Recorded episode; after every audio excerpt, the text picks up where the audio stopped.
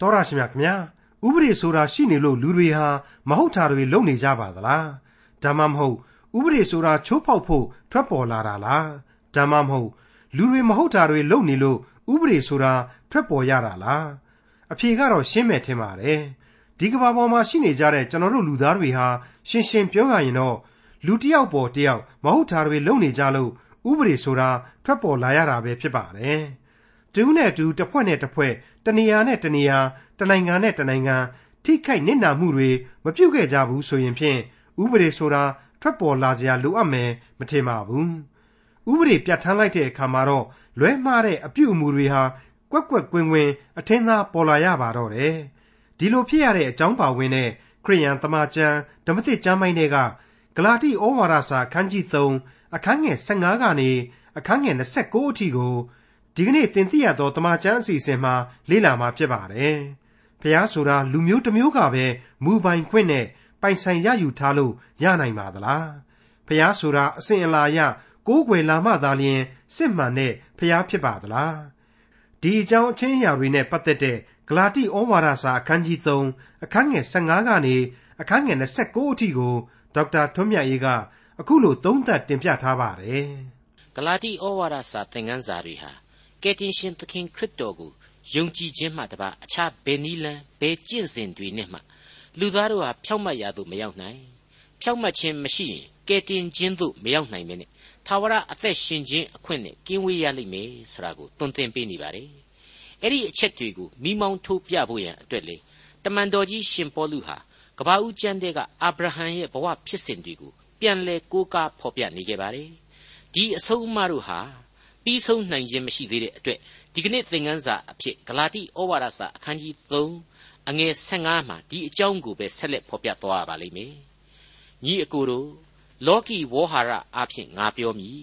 လူတော်လဲဝန်ခံစာကိုချုပ်ပြီးမှမပယ်ရထပ်ဆင့်၍စကားကိုမသွင်းရရှင်းနေပါလေဒါဟာဥပရိတို့ရဲ့သဘောတရားကိုဖော်ပြလိုက်ခြင်းပါပဲဘူးဆိုရင်ဖယုံမသိဘူးဆိုတဲ့သဘောဖြစ်ပါတယ်ဥပရိသဆရာဟာ အမှားအယွင်းအတိမ်အဆောင်မခံပါဘူးအပြစ်ရှိရင်အပြစ်အတိုင်းသာပေးဆက်ရခြင်းသဘောကိုဆောင်ပါလေအလျှော့ပေးယိုထုံးစံလည်းအရှင်းမရှိပါဘူးဂယုဏမပါဝင်ပါဘူးဂလာတိဩဝါဒစာအခန်းကြီး3အငယ်16နဲ့18ဂရိတော်တို့ကိုအာဗြဟံနှင့်သူ၏အမျိုးအနွယ်တို့ဟုအများသောသူတို့ကိုရည်မှတ်၍မိန့်တော်မူသည်မဟုတ်သင်၏အမျိုးအနွယ်ဟုတယောက်သောသူကိုရည်မှတ်၍မိန့်တော်မူ၏ထိုတယောက်သောသူကခရစ်တော်ဖြစ်သည် ငါဆိုသည်ကခရစ်တော်ကိုရည်မှတ်၍ဖျားသခင်တည်စေတော်မူသောပရိညင်တရားကိုအနှစ်430လွန်ပြီးမှနောက်ဖြစ်သောပြည့်ညတ်တရားသည်မပယ်နိုင်ဂရိတော်ကိုအချီးနှီးမဖြစ်စေနိုင်အဆက်ဆက်သောပြီးခဲ့တဲ့သင်ခန်းစာတွေမှာကျွန်တော်တို့ကြားခဲ့ရတဲ့အတိုင်းပဲအာဗြဟံအားဖြင့်လူမျိုးတကာတို့ကိုကောင်းကြီးပေးမယ်ဆိုတာသိထားရပါပြီအဲ့ဒါဟာကပ္ပဦးကျမ်းအခန်းကြီး22အရဆိုရင်သင်ဤအမျိုးအနွယ်အားဖြင့် လူမျိုးအပေါင်းတို့သည် ကောင်းကြီးမင်္ဂလာကိုခံရကြလိမ့်မည်ဟုငါဤစကားကိုသင်နားထောင်သောကြောင့်ငါသည်ကိုကိုတိုင်တီး၍ကျိန်ဆို၏ဆိုပြီးတော့အငယ်၁၈အရာတွေ့ရပါတယ်သင်ဤအမျိုးအနွယ်အားဖြင့်ဆိုတာဟာကယ်တင်ရှင်သခင်ခရစ်တော်ကိုရည်စူးတယ်ဆိုပြီးတော့ရှင်ပေါလုရှင်းရှင်းပဲဒီနေရာမှာဖော်ပြလိုက်ပါတယ်ဟုတ်ပါတယ်အဲ့ဒီအာဗြဟံဤအမျိုးအနွယ်ဆိုတာတခြားမဟုတ်ဘူးနှောင်းကာလဣသရေလအမျိုးအနွယ်ဣသရေလလူမျိုးတော်တွေကမှယူဒအမျိုးအနွယ် ယူဒအမျိုးအနွယ်တဲကမှဒါဝိဒ်ကဆင်းသက်တဲ့ယေရှုကိုဆိုလိုတာပဲဖြစ်ပါတယ်ယေရှုဟာခရစ်တော်ဖြစ်ပါတယ်ကယ်တင်ခြင်းကိုဆောင်ယူလာသောကယ်တင်ရှင်ဖြစ်ပါတယ်ဖျားသခင်ဤတပါးရီတော်သားတော်အဖြစ်ဖျားသခင်ရဲ့ဝိညာဉ်တော်ကိုခံယူမွေးဖွားလာသောမေရှိယကယ်တင်ရှင်သာလျှင်ဖြစ်ပါတယ်အဲ့ဒီအာဗြဟံနှင့်သူ၏အမျိုးအနွယ်ဆိုတာကိုအင်္ဂလိပ်ဝေါ်ဟာရကမျိုးစေ့သို့မဟုတ် seed ဆိုပြီးတော့သုံးဆွဲပါတယ်ဟုတ်ပါတယ် အာဗြဟံရဲ့မျိုးစေ့တဲကမှလူစားတိကိုခံယူသူခရစ်တော်ဟာပေါ်ထွန်းခဲ့ပါတယ်ဒါကိုခရစ်တော်ဟာရှင်ယောဟန်ခရစ်ဝင်ကျမ်းအခန်းကြီး၈အငယ်56မှာအခုလိုဖော်ပြခဲ့ပါတယ်သင်တို့အဖအာဗြဟံသည်ငါကြွလာမည့်အချိန်ကာလကိုမျှော်မြင်ခြင်းဟာအလွန်အလိုရှိ၏မြင်ရသောအခါဝမ်းမြောက်ခြင်းသို့ရောက်သည်ဟုမိန့်တော်မူ၏ရဲ့လို့ဖြစ်ပါတယ်အဲ့ဒီလိုအာဗြဟံကိုဘုရားသခင်ဂရိတော်ချပေးပြီးခဲ့တဲ့နောက်နှစ်ပေါင်း430ကြာတဲ့အချိန်မှာတော့ ဣဇက်ယာကုပ်ယောသတ်တို့ပါဝင်ခဲ့တဲ့သမိုင်းဂန္ဓတို့ကိုလွန်မြောက်စေခဲ့ပြီးတော့ဣသရေလလူမျိုးနွယ်စု12ခုအပါအဝင်အာဗြဟံရဲ့အခြားသောသားတွေဖြစ်တဲ့ဣရှမေလဇိမရန်ယုတ်ရှန်ဘေဒံဘိဒရန်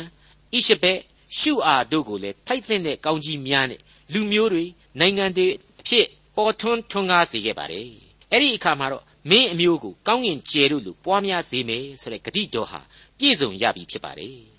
အဓိကဖြစ်တဲ့ဣဇက်ဣဇက်သားယာကုပ်တို့ကနေသင်ခွဲဖြာလာတာကတော့ဣသရေလဆိုတဲ့ဘုရားသခင်ဤဗြိညင်နှင့်ဖြစ်တည်လာသောလူမျိုးတော်ပါပဲဟုတ်ပါတယ်အဲ့ဒီအမျိုးအနွယ်ဣသရေလဟာရွေးကောက်တော်မူသောလူမျိုးဖြစ်လာခဲ့ပါတယ်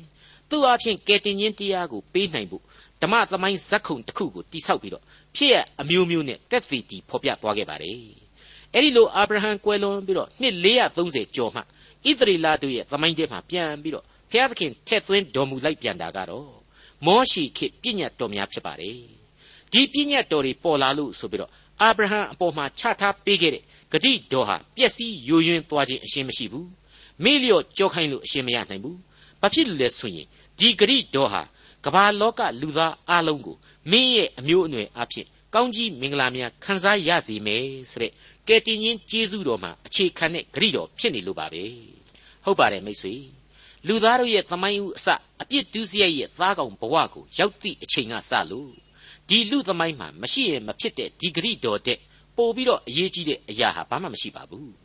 လူသားတို့အတွက်အရေးအကြီးဆုံးဖြစ်တယ်လို့ဘုရားသခင်အတွက်လည်းသူချစ်တဲ့လောကလူပေါင်းအတွက်အရေးအကြီးဆုံးသောဂရုတော်ဖြစ်ပါတယ်အရေးအကြီးဆုံးဖြစ်တာကိုလည်းရွေးကောက်တော်မူသောလူမျိုးတော်ရဲ့သမိုင်းကနေပြီးတော့အစဉ်တစိုက်ဖော်ပြသွားခဲ့ပါတယ်တရားသူကြီးတွေခေတ်မှလည်းတရားသူကြီးတွေခေတ်အလျောက်ဖော်ပြခဲ့ပါတယ် ရှင်ဘရင်တွေခေတ်မှလည်းဒီအတိုင်းပါပဲပရောဖက်တို့လွှမ်းမိုးသောအချိန်ကာလမှလည်းဒီအတိုင်းပါပဲဒါတွေဟာလူသားတို့ရဲ့ဖြစ်ရတွေမှတ်တမ်းတွေဟာကဲတင်ခြင်းတရားကိုအစဉ်တစိုက်လိုအပ်နေတယ်ကဲတင်ခြင်းတရားမရှိဘဲနဲ့လူပေါင်းလောကဟာဘယ်လိုမှမယက်တည်နိုင်ဘူးဆိုတဲ့အချက်ကိုအမြဲဦးစားပေးဖော်ပြသွားခဲ့ခြင်းပဲဖြစ်ပါတယ်ဂလာတိဩဝါဒစာအခန်းကြီး3အငယ်16နဲ့19ထိုမှတပါ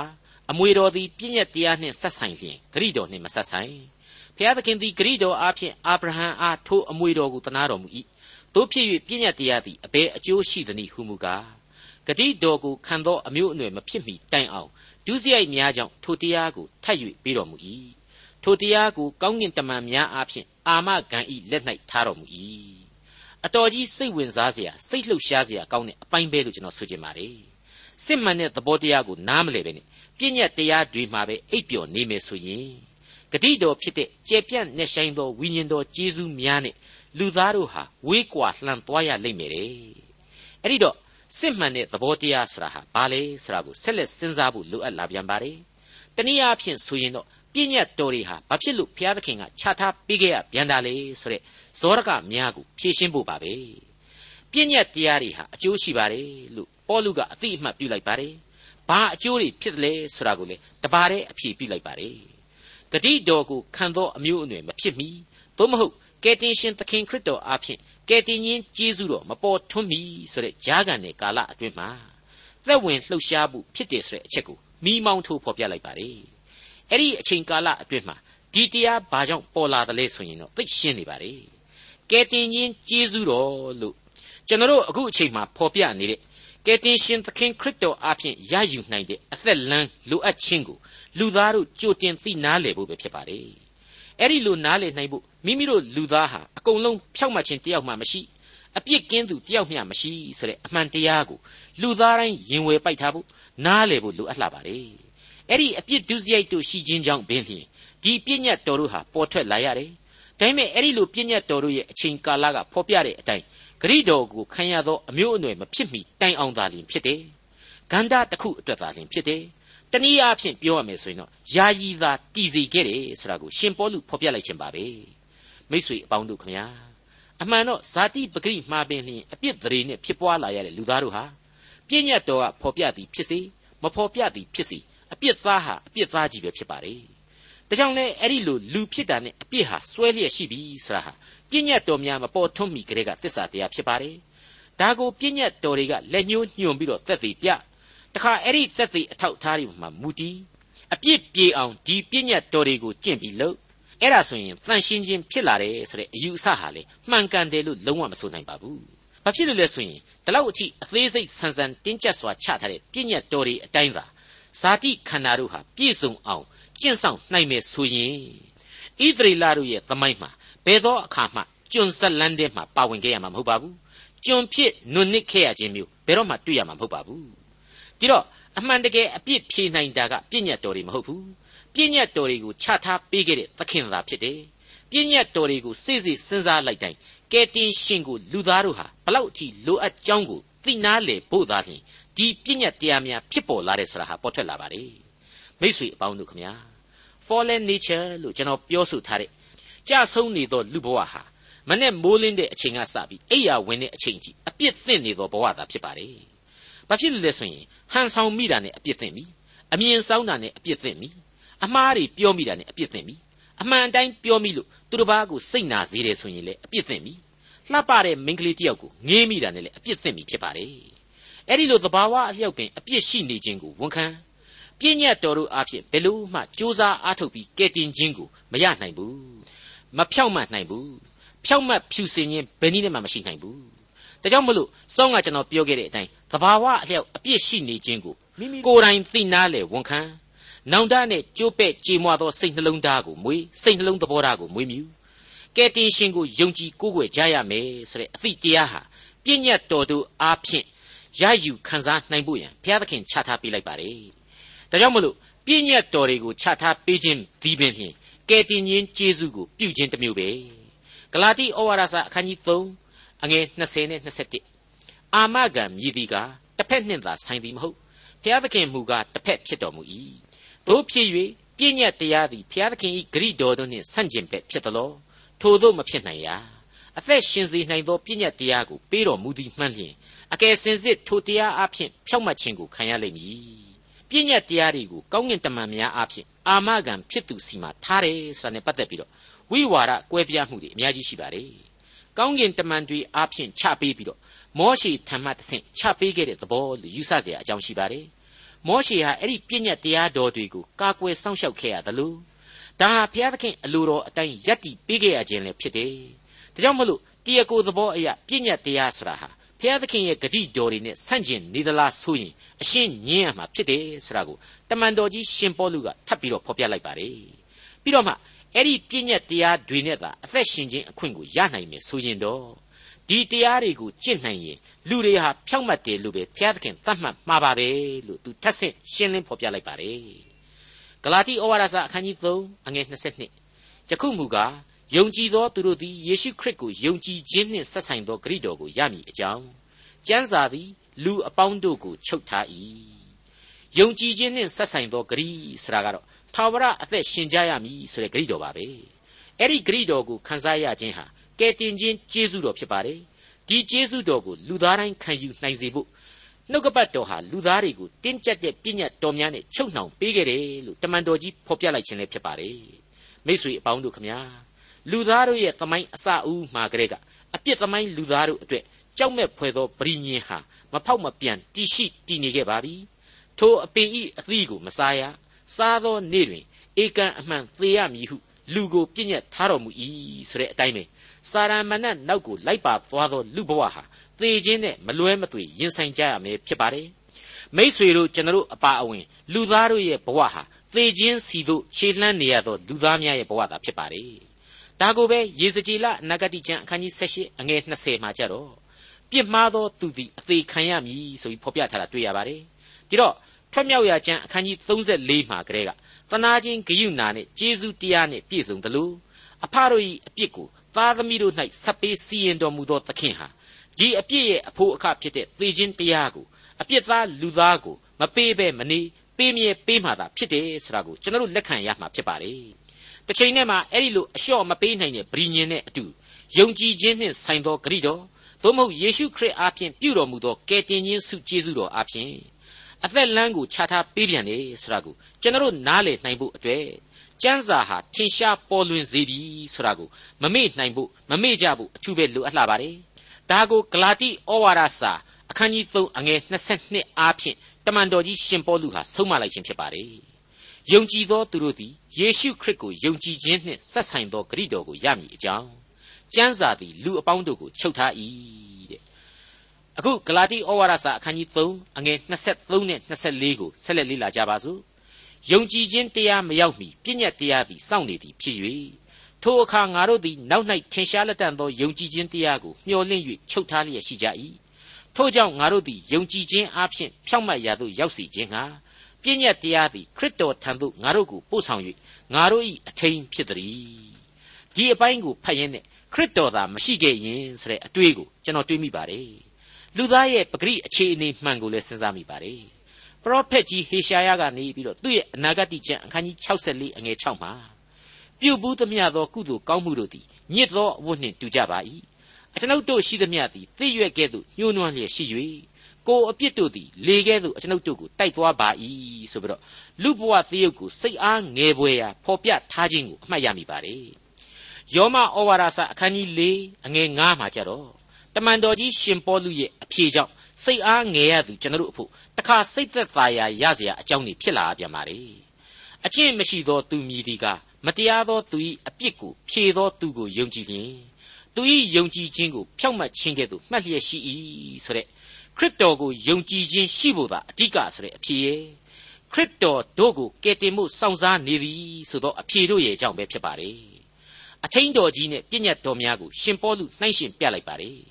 တနည်းအားဖြင့်တော့ကိုယ့်အပြစ်ကိုကိုသိပြီးတော့လွတ်လန်းမရှိတဲ့အခြေအနေမျိုးမှန်ကိုနားလေနှိုင်သူကို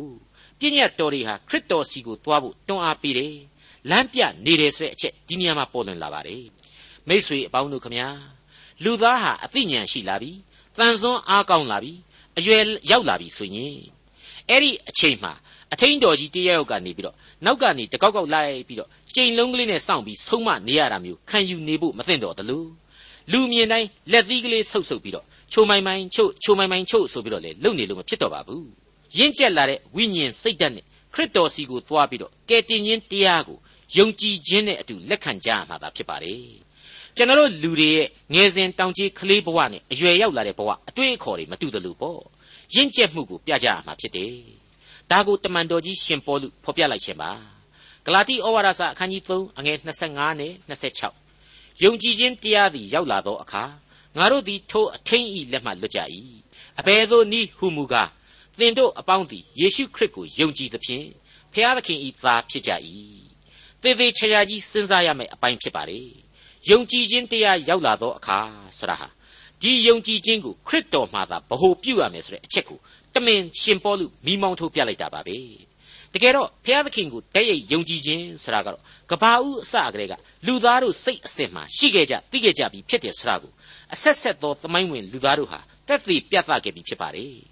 အာဘေလဟာသူ့ရဲ့ယုံကြည်ခြင်းကိုအသွေးတော်နဲ့ရစ်ပူဇော်ခြင်းအပြင်ပြသခဲ့ပြီးဖြစ်တယ်လို့နောအေးဟာလည်းအလိုတော်ကိုလိုက်နာခြင်းအပြင်ပြသခဲ့ပြီးဖြစ်ပါတယ်အာဗြဟံလည်းဒီအတိုင်းပါပဲမောရှေလည်းဒီအတိုင်းပါပဲအဲ့ဒီအတိုင်းပါပဲအဖဖျားသခင်ကိုယုံကြည်ခြင်းရဲ့သက်သေအဖြစ် အလိုတော်အတိုင်းလိုက်နာစောင့်ရှောက်ခဲ့ခြင်းတွေကိုသမိုင်းတလျှောက်ကခေါင်းဆောင်ပေါင်းများစွာတို့မှာကျွန်တော်တို့စံပြလို့ရပါတယ်ဒါဝိမှစတဲ့ဣသရေလမင်းပေါင်းများစွာနဲ့အတူဖျားသခင်ခန့်အပ်ထားခဲ့တဲ့ယေဘရဟိတ်တို့ရဲ့အသက်တာတွေအားဖြင့်လေထင်ရှားစွာတွေ့မြင်ခဲ့ရပြီဖြစ်ပါတယ်အဲ့ဒါဟာယုံကြည်ခြင်းရဲ့အခြေခံသဘောတရားပဲဖြစ်ပါတယ်အခုတမန်တော်ကြီးဥတီရေးသားနေတဲ့ဂလာတိအသင်းတော်များဟာလေခရစ်တော်ကိုယုံကြည်ခြင်းအားဖြင့်သာလျှင်တိဆောက်နိုင်ခြင်းဖြစ်ပါတယ် အဲ့ဒီယုံကြည်သူတွေဟာခရစ်တော်၌သားသမီးများအဖြစ်ဘုရားသခင်ရဲ့ကယ်တင်ရှင်ကျေးဇူးတော်ကိုခံယူကြရမှာလေဧကန်အမှန်ဖြစ်ပါတယ်အဲ့ဒီလိုကယ်တင်ရှင်ကျေးဇူးတော်ကိုမခံစားရသေးတဲ့အတိတ်ကာလမှာကတော့အခုယုံကြည်သူတွေဟာပြည့်ညတ်တော်ရဲ့အရေးအဝါသအောက်မှာပဲရှိခဲ့ကြရတယ်ဆိုတာကိုသိစေနိုင်ဖို့ရှင်ပေါလုသတိပေးလိုက်တာပဲဖြစ်ပါတယ်အဲ့ဒီလိုပြည့်ညတ်တော်တို့ရဲ့အရေးအဝါသအောက်မှာရှင်သန်ခဲ့ကြရတာမှန်ပေမယ့်ပြည့်ညတ်တော်ဆိုတာဟာအထင်းတော်ကြီးနဲ့ပဲတူတယ် ကယ်တင်ရှင်သခင်ခရစ်တော်စီကိုလူသားတို့ကိုတွန့်ပို့နေခြင်းဖြစ်တယ်ဆိုတာကိုရှင်ပေါလုသိစေညွှန်လိုက်ပါတယ်ဂလာတိဩဝါဒစာအခန်းကြီး3အငယ်29ခရစ်တော်၌ဗတ္တိဇံကိုခံတော်သူရှိသမျှတို့သည်ခရစ်တော်ကိုယူတင်ဝတ်ဆောင်တော်သူဖြစ်ကြ၏ခရစ်တော်၌ဗတ္တိဇံခံတယ်ဆိုတာကိုအထူးသတိပြုကြပါမိษွေအပေါင်းတို့ခမညာအကျင့်တရားတွေဖြစ်တဲ့အထဲမှာရေ၌ဗတ္တိဇံခံယူတယ်ဆိုတာဟာရောအကျင့်တဲကအကျင့်တစ်ခုပဲလို့ညင်းခုန်တာကြားဘူးပါတယ် ဟုတ်ပါတယ်ဒါဟာလေတနည်းအားဖြင့်တော့အခမ်းအနားတစ်ခုသာဖြစ်တယ်လို့ဆိုခြင်းဆိုနိုင်ပါလိမ့်မယ်ဒါပေမဲ့ဒါဟာခရစ်တော်ကိုယုံကြည်ခြင်းရဲ့ပြင်ပအမှတ်တညာအဖြစ်ခရစ်တော်ကိုယ်တိုင်ညွှန်ကြားထားလို့ပြုရတဲ့အကျင့်တစ်ခုဖြစ်လာခဲ့ရပါတယ်အဲ့ဒီပြင်ပလက္ခဏာတစ်ခုတည်းနဲ့တော့အမှန်တကယ်ယုံကြည်ခြင်းဖြစ်ပြီလို့ဆိုနိုင်ပြီလားလို့မေးမယ်ဆိုရင်တော့မဆိုဝွန့်ပါဘူးမဆိုလဲမဆိုနိုင်ပါဘူးမဆိုလဲမဆိုတိုက်ပါဘူးအခုဖော်ပြခဲ့တဲ့အတိုင်းခရစ်တော်၌ဗတ္တိဇံကိုခံယူခြင်း သို့မဟုတ်စစ်မှန်သောအသက်မွေးဖွားခြင်းကိုတန်ရှင်းသောဝိညာဉ်တော်အဖျင်ခံယူနိုင်မှသာလျှင်ဒီအခမ်းအနားဟာအတိတ်ပဲရှိမှာဖြစ်ပါတယ်အမှန်တကယ်ကယ်တင်ခြင်းကျေးဇူးကိုခံယူနိုင်ကြရမှာလည်းဖြစ်ပါတယ်ဒီနေရာမှာကောရိန္သုဩဝါဒစာပထမစာဆောင်အခန်းကြီး7အငယ်73မှာအခုလိုဖော်ပြထားတာကိုသတိပြုကြရပါလိမ့်မယ်အကြောင်းမူကားယုဒလူဖြစ်စေဟေလသလူဖြစ်စေကျွန်ဖြစ်စေလူလွတ်ဖြစ်စေငါတို့ရှိသမျှသည် ဝိညာဉ်တော်တပါးသည့်အဖြစ်တကိုယ်တီးကဲ့သို့ဗတ္တိဇံကိုခံကြ၏ငါတို့ရှိသမျှသည်တဝိညာဉ်တည်းသို့လေတောက်ကြ၏ဆိုတဲ့အချက်ဖြစ်ပါတယ်မိษွေတော်တတ်ရှင်အပေါင်းတို့ခမညာအလွန်တရာအရေးကြီးတဲ့ဝိညာဉ်သင်ခန်းစာပဲဖြစ်ပါတယ်ဝိညာဉ်ရေးသင်ခန်းစာပဲဖြစ်ပါတယ်ငါတို့ရှိသမျှသည်တဝိညာဉ်ဒဲဒဲသို့လေတောက်ကြ၏ဆိုတဲ့အချက်ပါဒီတော့အသင်းတော်ရဲ့ပလင်နောက်နာကရေကန်ကလေးထဲမှာခရစ်တော်ကိုမင်းယုံလားကျွန်တော်ယုံပါပြီဒါဆိုရင် ဘုရားသခင်ရှိလူတို့ရှိ၌နှစ်ချင်းကိုငါပေးပါ၏ဆိုပြီးတော့ရေထဲကိုစွတ်ခနဲ့နှစ်လိုက်တိုင်းစစ်မှန်သောခရိယန်တယောက်ဘွားကနေဖြစ်လာတယ်လို့ဆိုနိုင်မလားမဆိုနိုင်သေးဘူးခရစ်တော်၌တလုံးတဝသည်စက္ကအနှံ့မှုရှိကြရလိမ့်မယ်ပြောင်းလဲကြရလိမ့်မယ်အဲ့ဒါကိုသာလင်ဘုရားသခင်လက်ခံနိုင်ပါတယ်အဲ့ဒီလိုသာဆိုရင်ဒီယုံကြည်သူရဲ့အသက်တာဟာလေဇာတိပဂရိအပြစ်တရား၌တည်ဆုံသွားပြီးတဲ့နောက်ခရစ်တော်ကိုယူတင်ဝတ်ဆောင်သောအသက်တာသစ်ဖြစ်လာရပါလိမ့်မယ် မိတ်ဆွေတော်တတ်ရှင်အပေါင်းတို့ခမညာဒီအချက်ကိုအခုဂလာတိဩဝါဒစာရဲ့အခန်းကြီး3အငယ်28နဲ့29ဏီကုန်းကျမ်းပိုက်တွေဟာရှင်းရှင်းလင်းလင်းကလေးပဲဆက်လက်ဖော်ပြလိုက်ပါတယ်ယေရှုခရစ်၌ယူရလူမရှိဟေလသလူမရှိကျွန်မရှိလူလွတ်မရှိယောက်ျားမရှိမိန်းမမရှိထိုသခင်၌သင်တို့အပေါင်းသည်တလုံးတဝတည်းဖြစ်ကြ၏ခရစ်တော်နှင့်ဆက်ဆိုင်လျင်အာဗြဟံ၏အမျိုးအနွယ်ပင်ဖြစ်၍ဂတိတော်အတိုင်းအမွေခံ၏အရာ၌တည်ကြ၏ ဘလောက်ကောင်းတဲ့ကြံပိုက်လေဖျားသခင်စီမှာယူရမရှိဘူးဟေလသလူမရှိဘူးကျွန်မရှိဘူးလူလွတ်မရှိဘူးယောက်ျားမိန်းမမခွဲကြဘူးတဲ့ဒီနေ့ဒီကဘာမှာကဘာတစ်ခုမိသားစုဆိုတဲ့စိတ်ဓာတ်ကိုလူတွေဟာဖျားသခင်မပါဘဲနဲ့စ조사ပန်းစားမွေးမြူနေကြတယ်အမှန်တော့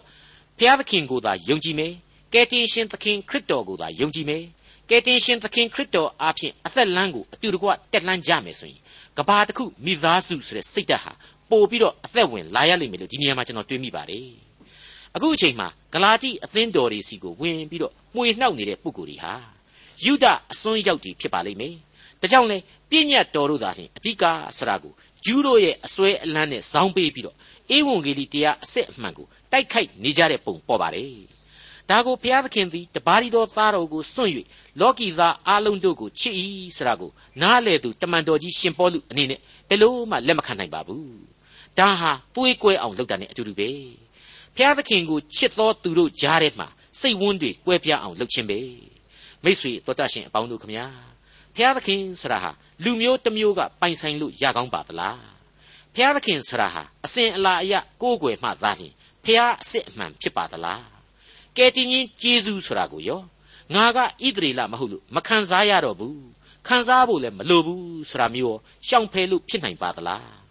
စသည်စသည်မိကွန်းတွေဟာလူသားတိုင်းကိုကိုကိုမေးရမယ်မိကွန်းအလေးအနက်ပြုစဉ်းစားရမယ်မိကွန်းများပဲဖြစ်ပါတယ်မိษွေတို့ဒီမိကွန်းတွေကိုပြန်ပြီးတော့သဆင်ခြင်နိုင်ဖို့ရန်အတွက်ဒီကျမ်းကိုကျွန်တော်တစ်ခေါက်ပြန်ဖတ်ပြပါရစေ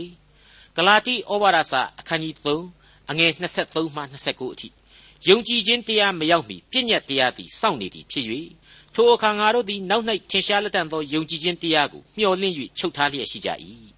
ထို့ကြောင့်ငါတို့သည်ယုံကြည်ခြင်းအပြင်ဖြောင့်မတ်ရာသို့ရောက်စီခြင်းဟာပြည့်ညတ်တရားသည်ခရစ်တော်ထံသို့ငါတို့ကိုပို့ဆောင်၍ငါတို့၏အထင်းဖြစ်သည်ယုံကြည်ခြင်းတရားသည်ရောက်လာသောအခါငါတို့သည်ထိုအထင်း၏လက်မှလွတ်ကြ၏အဘယ်သို့နည်းဟုမူကားသင်တို့အပေါင်းသည်ယေရှုခရစ်ကိုယုံကြည်သဖြင့်ဖျားသခင်၏သားဖြစ်ကြ၏ခရစ်တော်၌ဗတ္တိဇံကိုခံတော်သူရှိသမျှတို့သည်ခရစ်တော်ကိုယူတင်ဝတ်ဆောင်တော်သူဖြစ်ကြ၏ယေရှုခရစ်၌ယူရလူမရှိဟေလသလူမရှိ ကျွန်မရှိလူလွတ်မရှိယောက်ျားမရှိမိန်းမမရှိထိုသခင်၌သင်တို့အပေါင်းသည်တလုံးတဝသည်ဖြစ်ကြ၏ခရစ်တော်နှင့်ဆက်ဆိုင်လျင်အာဗြဟံ၏အမျိုးအနွယ်ပင်ဖြစ်၍ဂရိတော်အတိုင်းအမွေခံရအရာ၌တည်ကြ၏မိษွေအပေါင်းတို့ခမညာစဉ်းစားစရာမေးခွန်းတွေအမြောက်အများရှိသလိုအဖြေဟာလဲဂလာတိဩဝါဒစာအဖြစ်ရှင်းလျက်ရှိနေပါပြီကျွန်တော်ပြောခဲ့တဲ့အတိုင်းပဲအာဗြဟံဆိုတာဟာ ဣသရေလလူမျိုးမပေါ်ထွန်းမီအတိတ်လူသားကြီးတယောက်သာဖြစ်ပါတယ်။သိသူ့နောက်မျိုးဆက်30ကျမှဣသရေလဆိုတာပေါ်ထွန်းပြီးတော့သူ့နောက်နှစ်ပေါင်း430ကျော်မှပြည့်ညတ်တော်များဆိုတာဟာဖြစ်ပေါ်လာခြင်းဖြစ်ပါတယ်အဲ့ဒီရှေးအခါကာလကတည်းကဘုရားသခင်ဖော်ပြလိုက်တာကတော့ယုံကြည်ခြင်းအပြင်လူသားများဟာဖြောင့်မတ်ခြင်းအခွင့်ကိုရစီတယ်ဆိုတဲ့အချက်ပါပဲအာဗြဟံဤယုံကြည်ခြင်းအပြင်အာဗြဟံသည်ဖြောင့်မတ်ခြင်းကိုခံစားခဲ့ရတယ်မဟုတ်ဘူးလား အမှန်တော့အပြစ်လူပေါင်းအတွက်ကယ်တင်ခြင်းကျေးဇူးကရုဏာတော်ဆိုတာဟာဖန်ဆင်းရှင်ဘုရားသခင်ပိုင်သောအရာမို့လို့အပြစ်ရှိသောလူသားဟာသူချထားပေးသောလမ်းစဉ်သူအလိုရှိသောဤစနစ်အတိုင်းခံယူယုံသာရှိပါလေတင်တိရသောတမန်ကျမ်းရဲ့တွင်တင်မှုများအရာဒီကျေးဇူးနဲ့ဂရုဏာတော်အဖြစ်တည်ရှိလာတဲ့ကယ်တင်ခြင်းတရားဟာခရစ်တော်ဤဧဝံဂေလိတရားသာဖြစ်ပါတယ်ခရစ်တော်ဤအသေးခံတော်မူခြင်းသင်္ကြိုခြင်းကိုခံယူတော်မူခြင်းရှင်ပြန်ထမြောက်တော်မူခြင်းတို့ဟာအဲ့ဒီဧဝံဂေလိတရားရဲ့ အခြေခံသစ္စာတရားများအဖြစ်ယုံကြည်ခြင်းရှိကြပါအဲ့ဒီယုံကြည်ခြင်းကြောင့်သာလျှင်ဖြောင့်မတ်ခြင်းအခွင့်နဲ့ကယ်တင်ခြင်းကျေးဇူးတော်ကိုခံယူနိုင်လိမ့်မယ်ထာဝရအသက်ကိုရယူကြရလိမ့်မယ်ဆိုတာကိုရှင်ပေါလုအဓိကဖော်ပြသွန်သင်ပေးနေပါတယ်